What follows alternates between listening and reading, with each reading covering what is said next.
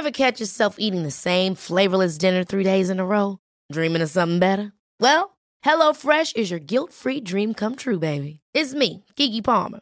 Let's wake up those taste buds with hot, juicy pecan-crusted chicken or garlic butter shrimp scampi. Mm. Hello Fresh. Stop dreaming of all the delicious possibilities and dig in at HelloFresh.com. Let's get this dinner party started. Hey there, it's Michelle Norris. I'm host of a podcast called Your Mama's Kitchen. When I travel, I'm usually looking for a way to find a taste of home when I'm not at home. And one of the things I love to do when I am at home is entertain. And Airbnb allows me to do that. When I was in California recently, I rented a house that had a great kitchen. And when we were sitting around the table, we were all thinking, we're in someone else's house. Someone could be in all of our homes as well. If you have a home, but you're not always at home, you have an Airbnb. Your home might be worth more than you think. Find out how much at airbnb.com/slash host. Hiring for your small business? If you're not looking for professionals on LinkedIn, you're looking in the wrong place. That's like looking for your car keys in a fish tank. LinkedIn helps you hire professionals you can't find anywhere else, even those who aren't actively searching for a new job but might be open to the perfect role. In a given month, over 70% of LinkedIn users don't even visit other leading job sites. So start looking in the right place. With LinkedIn, you can hire professionals like a professional. Post your free job on linkedin.com slash achieve today.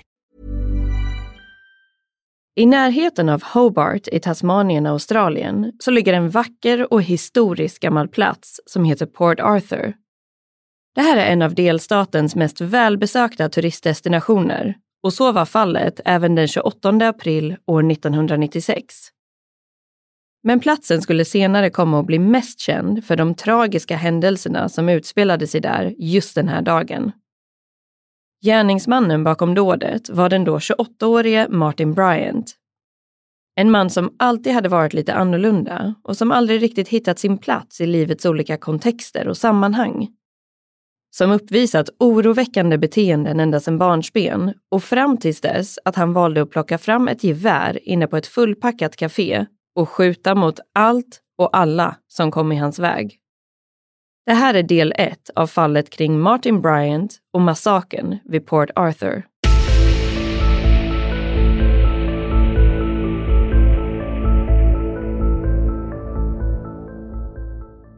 Hej och varmt välkomna ska ni vara till en helt ny säsong av Rysapodden.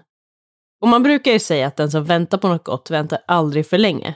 Men jag måste nog säga att det här uppehållet har varit alldeles för länge. Så vi får väl se hur många av er som har orkat hänga kvar och vänta ut det här halvåret. Ja, för eh, vi kan ju verkligen inte döma er om ni har gått vidare i livet. Men eh, det ska sägas att vi är också otroligt tacksamma för er som har väntat och som har haft tålamod med oss under den här tiden. Och om det är någon av er som har hunnit glömma bort vem som är vem av oss så kan vi bara ta och påminna om att det var Micke som pratade alldeles nyss och jag som pratar nu är Annie. Men nu är vi ju alltså äntligen tillbaka med en helt ny säsong och eh, den här gången så blir det ju också en sommarsäsong. Och det kommer att bli lite av en eh, specialare så att säga. För eh, vi kommer nämligen att börja med att släppa två stycken längre avsnitt som vi har valt att dela upp i två olika delar. Och därefter så kommer vi att släppa några mer vanliga avsnitt där vi bara tar upp ett fall i en del. Men de avsnitten kommer också att vara något kortare än vissa av våra tidigare avsnitt har varit. Ja, och vissa av dessa avsnitt kommer vara några av de allra första avsnitten som vi släppte inne på vår Patreon-sida för ungefär ett år sedan nu. Eftersom vi nu har valt att lägga ner vår Patreon-sida så kände vi att det är väldigt synd att så pass få av er faktiskt har tagit del av de avsnitten. Så av den anledningen så har vi valt att släppa några av dem under den här säsongen helt enkelt. Men med det sagt så tycker jag att det är hög tid att gå in på vilket fall vi ska prata om i de här kommande två avsnitten. Ja, men det tycker jag absolut. Och eh, som ni redan har förstått så kommer vi alltså att prata om fallet kring Martin Bryant och massakern vid Port Arthur.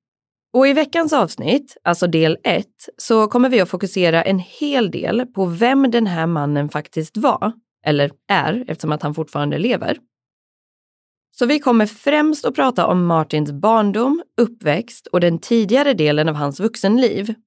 Sen i del 2 så kommer vi att gå in lite mer på själva händelseförloppet på allt som hände efteråt och hur det här fruktansvärda dådet förändrade Australien som land. Precis, och bara för er info så kommer det vara Annie som presenterar hela det här fallet för er. Så både del 1 och 2. Men jag tänker att det är lika bra att köra igång. Så jag säger helt enkelt varsågoda, för här kommer del 1.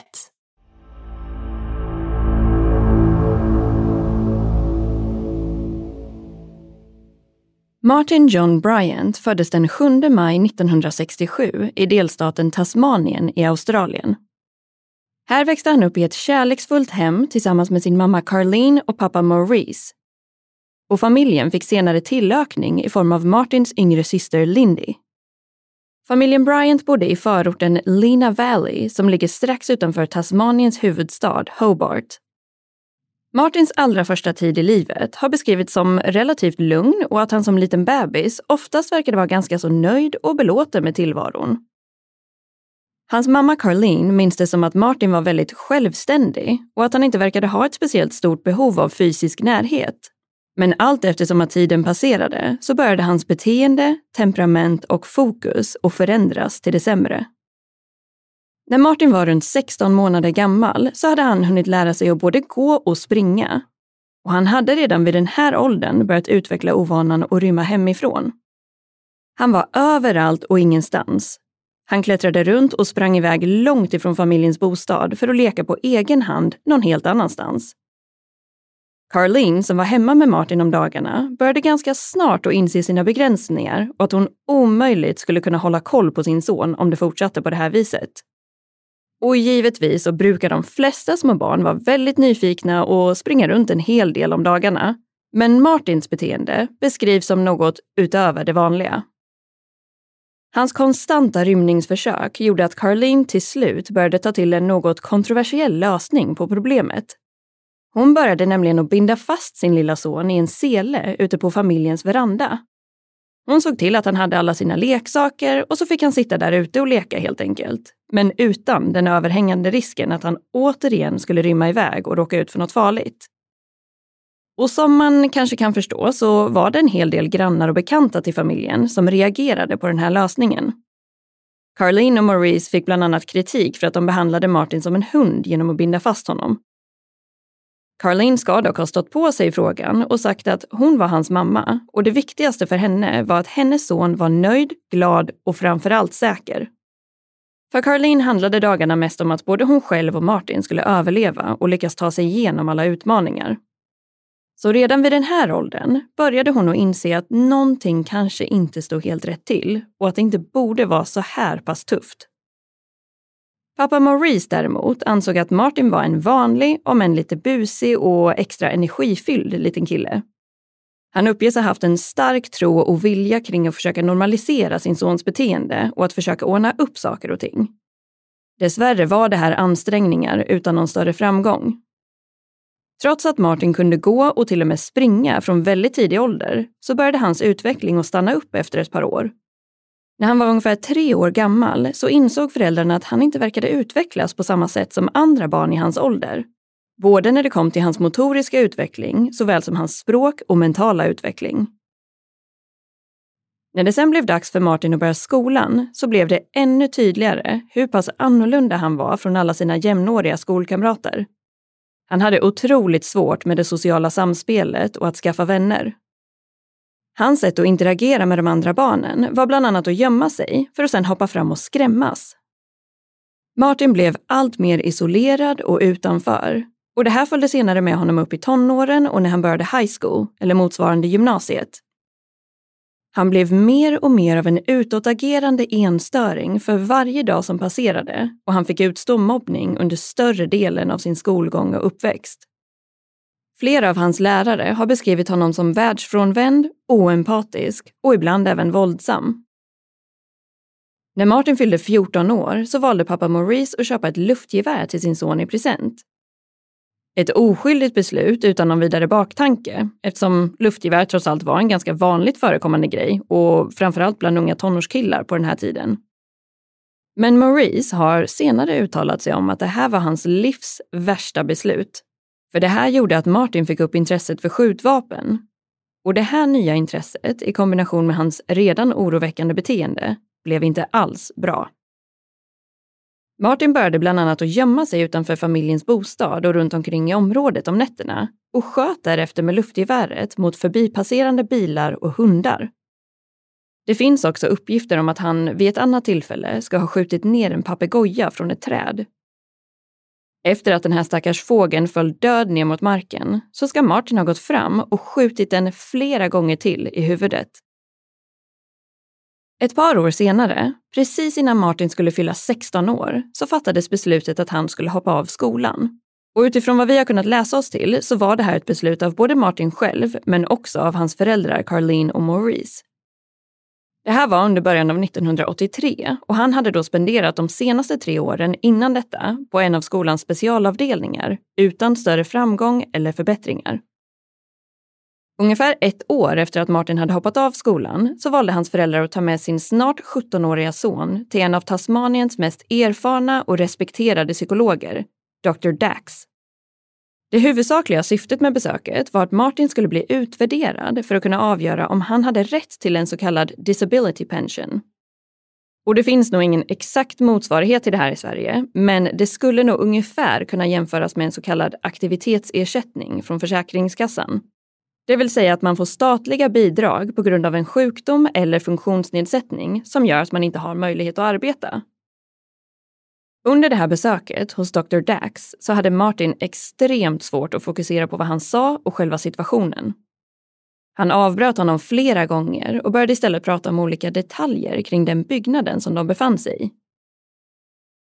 Efter det här första mötet så träffades de sen ett par gånger till innan han senare gav sitt utlåtande om Martin. Dr. Dax ansåg då att det skulle bli omöjligt för den unge Martin att få och framförallt behålla någon form av arbete. Av den anledningen så rekommenderade han att det bästa vore om han kunde få ta del av den statliga aktivitetsersättningen. Dr. Dax menade på att Martins beteende skulle göra både chefer och kollegor alldeles för upprörda och irriterade och att det aldrig skulle fungera på en arbetsplats. I sin bedömning uttalade han sig också om att Martin varken kunde läsa eller skriva och att han spenderar sin tid med att fixa i trädgården och kolla på TV. Ett annat stycke han skrev i sina anteckningar var att föräldrarna Carlene och Maurice var det enda som hindrade Martin från att försämras. Han noterade också att Martin eventuellt kunde lida av schizofreni och att hans föräldrar troligtvis inte hade en speciellt lovande framtid tillsammans med sin son. Och det här är ju väldigt sorgliga ord när man tänker på att det också handlar om en ung tonårskille. Men det skulle i alla fall visa sig att vissa av den här psykologens misstankar stämde in extremt väl. Martin fick i alla fall ta del av den här statliga ersättningen och vid sidan av det så lyckades han ändå få lite ströjobb här och där och främst inom trädgårdsarbete. I början av 1987 så fick den då 19-årige Martin kontakt med en 54-årig kvinna vid namn Helen Mary Elizabeth Harvey. Det här var i samband med att han letade efter nya kunder som ville ha hjälp med att klippa gräset i sina trädgårdar. Helen Harvey var arvtagare till en del av ett stort lotteri och spelimperium i Australien som på den tiden hette Tattersalls. Med andra ord hade hon en hel del pengar och valde att pensionera sig redan vid 28 års ålder. Vid den här tidpunkten så bodde hon tillsammans med sin mamma Hilsa i ett stort hus som låg på adressen Clare Street i förorten Newtown som ligger strax utanför Hobart. När Martin knackade på hos Helen så började de att prata och en något oväntad vänskap dem emellan började växa fram. Helen anställde också Martin för att hjälpa till med diverse sysslor, som bland annat att ta hand om den förfallna trädgården och att mata alla hennes djur. Helen ska nämligen ha haft totalt 14 hundar och 40 katter som bodde runt om på fastigheten. Dessvärre tog hon inte hand om djuren speciellt bra och detsamma gällde själva bostaden. Hela huset och den tillhörande stora trädgården befann sig i ett lika dåligt skick som Helen och hennes mamma Hilsas egen hälsa och hygien. De två kvinnorna var välkända runt om i Newtown och sågs som lite udda och excentriska skulle man väl kunna säga. Så inte helt olikt hur personer i Martins omgivning skulle beskriva honom. 54-åriga Helen och 19-åriga Martin började umgås allt mer om dagarna och de utvecklade ganska så snabbt en stark vänskap och band till varandra. Trots att många trodde det motsatta så ska det däremot aldrig ha handlat om någon form av sexuell relation. Men i takt med att Helen och Martins vänskap blomstrade för fullt så kan man väl säga att Helens mamma Hilsa blev mer och mer bortglömd. Det stora huset på Clare Street som mor och dotter delade befann sig som sagt i ett riktigt dåligt skick. Så pass dåligt att lokala hälsomyndigheter fick in rapporter från personer i området och till slut bestämde sig för att kliva in och kontrollera bostaden. Det här var under juni månad år 1990. Det de fann var en situation som var betydligt värre än de hade trott och man kunde snabbt konstatera att både Helen och hennes snart 80-åriga mamma var i behov av akut sjukvård. Hilsa blev inlagd en längre tid på sjukhus och avled ett par veckor senare och det här ska ha varit till följd av flera obehandlade skador och medicinska problem, som bland annat ett brutet höftben. Hälsomyndigheten arrangerade därefter en omfattande städning, rensning och sanering av bostaden. Man kopplade även in djurskyddsmyndigheter som valde att ta ifrån Helen alla de hundar och katter som hade bott där. Det tog flera månader att städa ur och sanera bostaden på Clare Street och Martins pappa Maurice valde till och med att ta tjänstledigt från jobbet för att kunna hjälpa till. Han försökte alltid att finnas där för sin son när han kunde och framförallt när det gällde mer praktiska och konkreta saker, som exempelvis den här situationen. Men i och med att Helen nu hade blivit av med sin bostad, i princip alla sina tillhörigheter och alla sina djur, så blev det här lite av en nystart för henne i livet. Hon passade då på att köpa sig en ny bostad i form av en gård med cirka 30 hektar tillhörande mark. Den här gården låg i den lilla staden Copping, som också ligger i Tasmanien. Helen passade också på att fråga om Martin kanske ville flytta in tillsammans med henne på den här stora gården, vilket han då tackade ja till.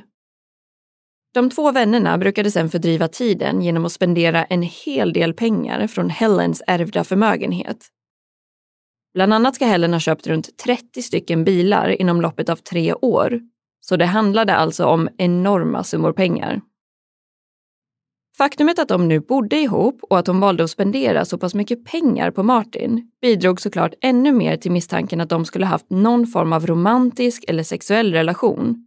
Men återigen så har det här aldrig kunnat styrkas. Martin och Helen stack ut en hel del i den här lilla staden Copping Dels på grund av sina extrema shoppingvanor, men också för att de båda två brukade klä sig lite speciellt och framförallt bete sig speciellt gentemot andra. De blev helt enkelt kända i området som det där lite udda och excentriska paret, eller vännerna. Och man kan ju tänka att Martin nu på ett sätt levde lite av ett drömliv. Han och Helen levde tillsammans på en stor gård och hade i princip obegränsat med pengar. Men faktumet var att hans mående skulle komma att försämras allt mer under den här perioden. Och hans beteende blev allt mer oberäkneligt och oförutsägbart. Så pass att vissa boende i området började bli rädda för honom och vad han eventuellt skulle kunna vara kapabel till. Precis som under sin tonårsperiod så hade Martin ofta med sig sitt luftgevär som han brukade använda för att skjuta mot hundar det finns också uppgifter från grannar om att Martin vid flera tillfällen ska ha skjutit mot turister som ibland stannade till vid ett fruktstånd som låg i närheten av han och Helens bostad. Han hade fortfarande inga andra vänner utöver Helen och hans försök till att skaffa nya vänner gick inte speciellt bra. Martin var helt enkelt en typ av person som folk var lite nervösa omkring och som man kanske undvek i den mån det var möjligt. Ungefär runt den här tiden så blev det dags för Martin att genomgå en ny utvärdering och prövning gällande den här statliga aktivitetsersättningen som han fortfarande fick utbetald. Resultatet av utvärderingen var att han fortfarande inte ansågs kunna arbeta och att han därmed skulle fortsätta få den här ersättningen. I samband med den här utvärderingen så noterades följande i hans dokumentation. Pappan skyddar honom från alla eventuella situationer som skulle kunna göra honom upprörd eftersom att han kontinuerligt hotar med att använda våld. Martin har berättat för mig att han skulle vilja gå runt och skjuta människor. Det vore rent av livsfarligt om Martin inte längre levde under sina föräldrars fullständiga kontroll.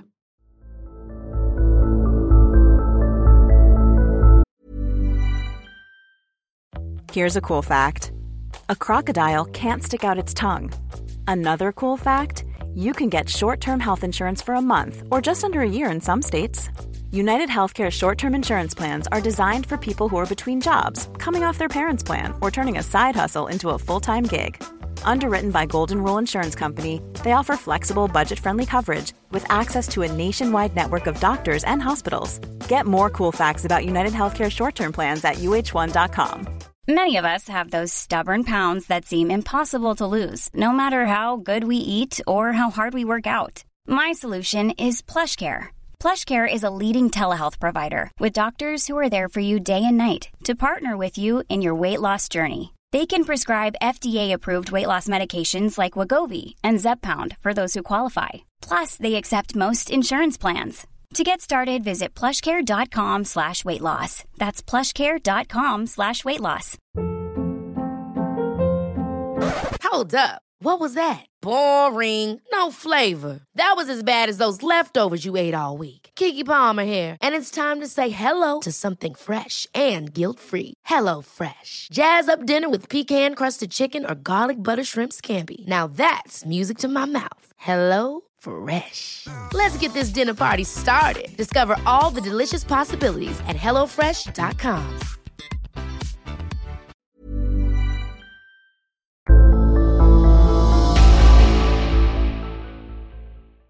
Livet rullade sen på för Helen och Martin på gården. Men den 20 oktober år 1992 så inträffade någonting som skulle förändra allt.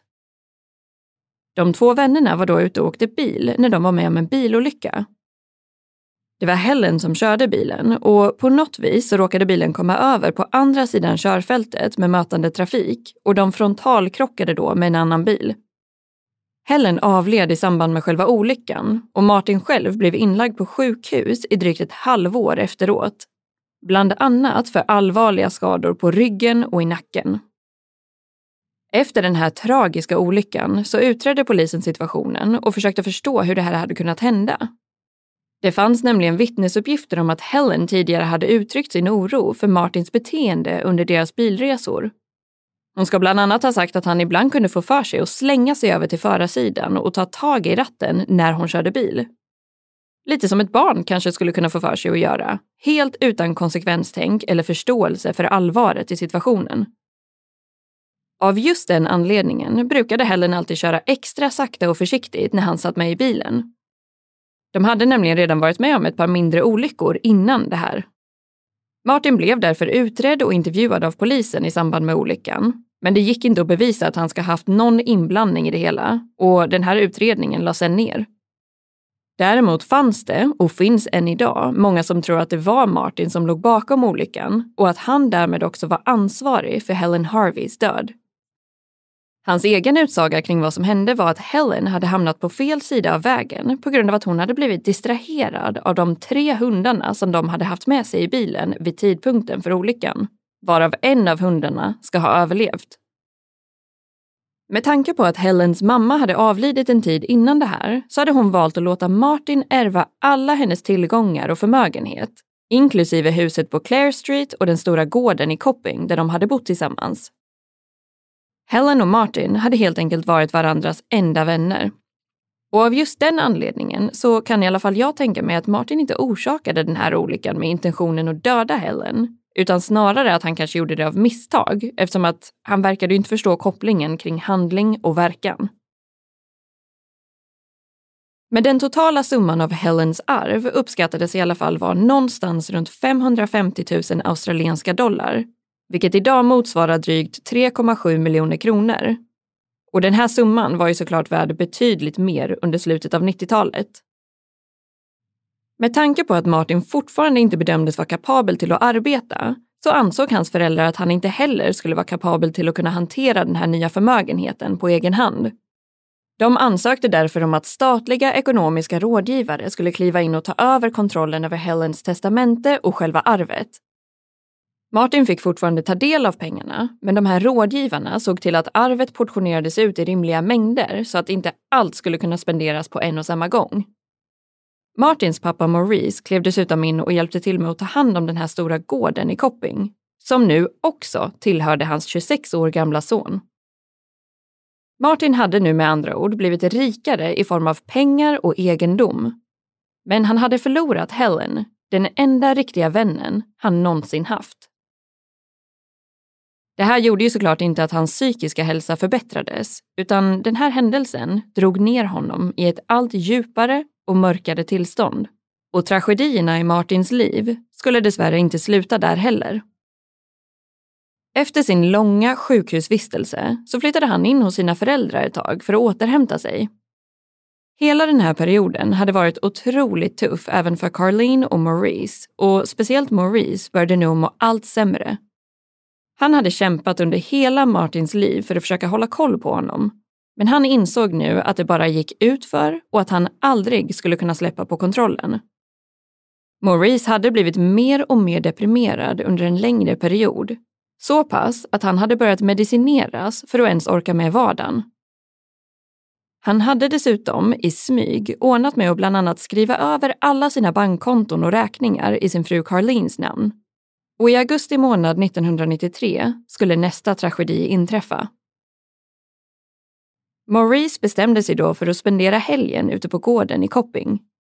Han förklarade för Carlene att han behövde lite egen tid och hon förstod hans behov och tänkte inte mycket mer på saken.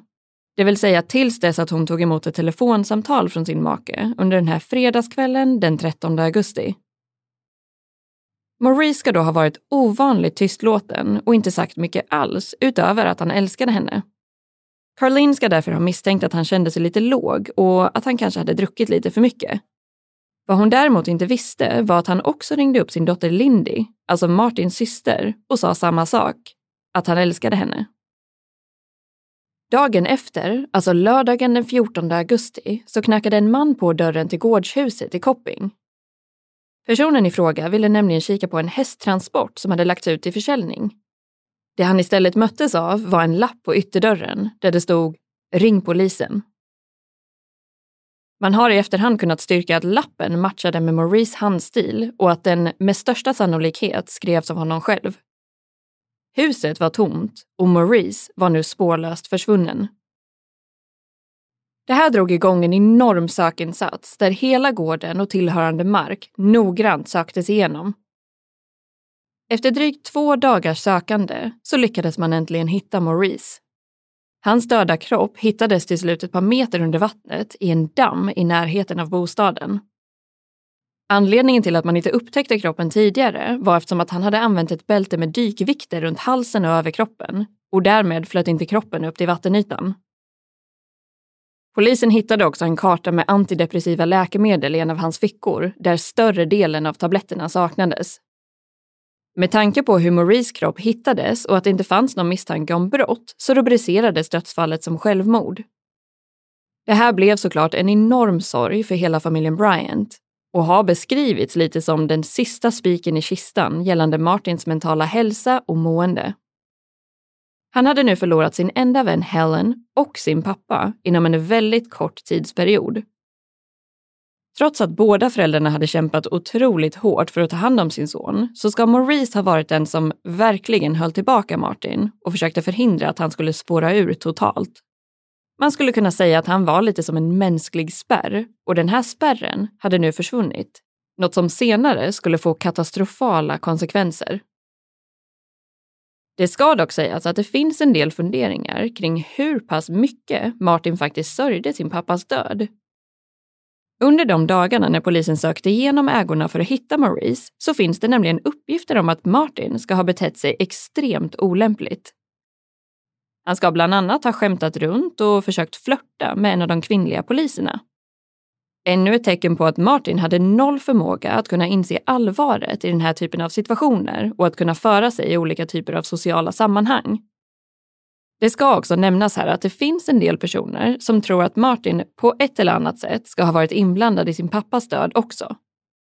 Men efter att både Helen och Maurice hade gått bort så blev Martin allt mer ensam han valde då att sälja gården i Copping och att återigen flytta in i huset på Clare Street i Newtown, strax utanför Hobart.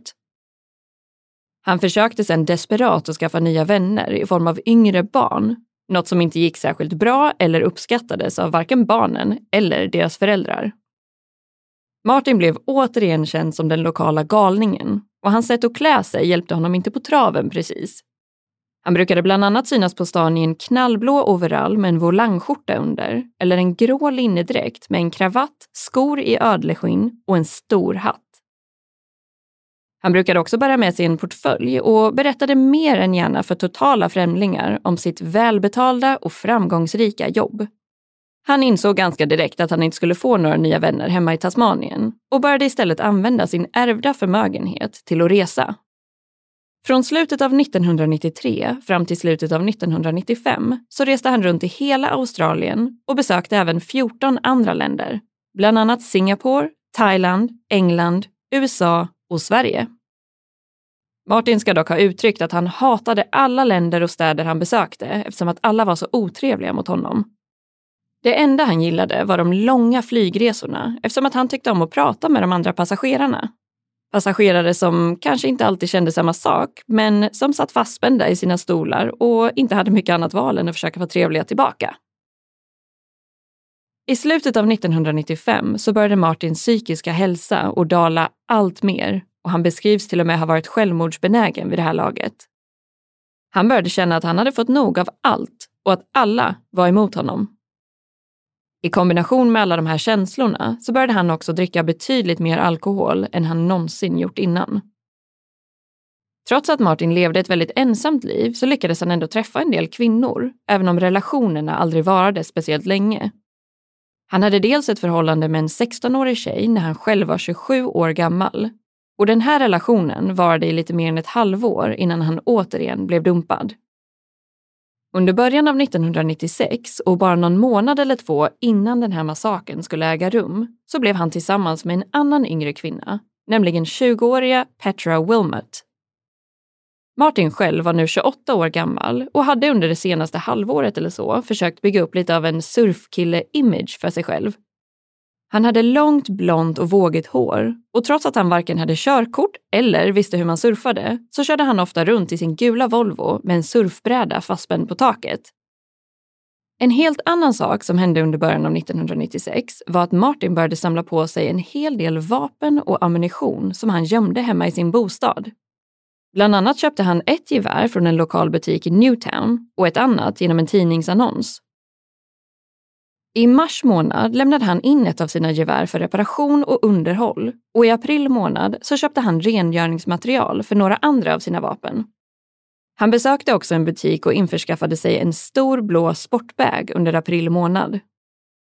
Innan han bestämde sig för att köpa just den väskan så ska han ha mätt den ordentligt och sagt att väskan behövde ha stadiga handtag eftersom att den skulle klara av att bära skjutvapen och en stor mängd ammunition. Och allt det här var ju såklart en del av Martins omfattande plan. Men dessvärre så var han den enda som visste om den. Den generella uppfattningen är att Martin planerade och organiserade den här attacken under en längre period innan den ägde rum. Och vi kommer tillbaka till den detaljen senare i del två. Men dagen då de här fruktansvärda händelserna började var alltså söndagen den 28 april 1996. Martin hade ställt sin väckarklocka och gick upp klockan sex på morgonen. Hans flickvän som spenderade natten med honom blev då förvånad av det här beteendet eftersom att han normalt aldrig brukade använda en väckarklocka. Och det här var ju på grund av att han inte hade något jobb eller några andra egentliga åtaganden. Men just den här söndagen så hade han planer som skulle resultera i den dödligaste massskjutningen i Australiens historia. Massakern vid den historiska lilla staden Port Arthur.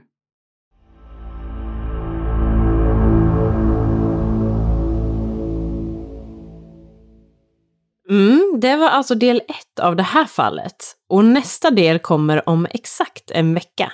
Och ni behöver inte oroa er för att ni ska glömt bort allt tills dess, för att vi kommer att börja nästa del med en kort liten summering. Yes, så vi hoppas att ni har tyckt att den här första delen var intressant att ta del av och att ni vill komma tillbaka och höra resten nästa vecka. Då kommer vi som sagt att gå in mer på själva händelseförloppet som utspelade sig vid Port Arthur men också hur det gick till när Martin väl greps av polis och allt annat som hände efteråt. Så tills dess får vi skicka med ett stort tack för att just du har valt att lyssna på det här avsnittet av Rysapodden.